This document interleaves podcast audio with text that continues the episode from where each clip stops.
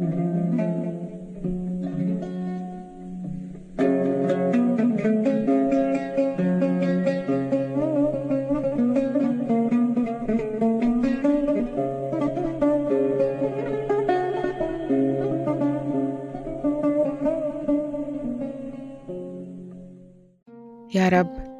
زي ما موسى صلى وطلب حضورك وقال إن لم يسر وجهك أمامنا فلا تصعدنا من هنا.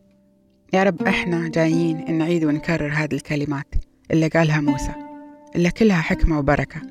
ونقول يا رب إحنا ما رح نتحرك من مكاننا ولا في أي قرار يخصنا ويأثر على حياتنا إلا إذا أنت تدخلت يا رب.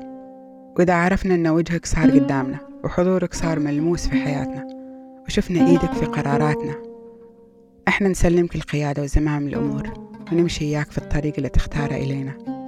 باسم وسلطان يسوع المسيح نصلي. آمين.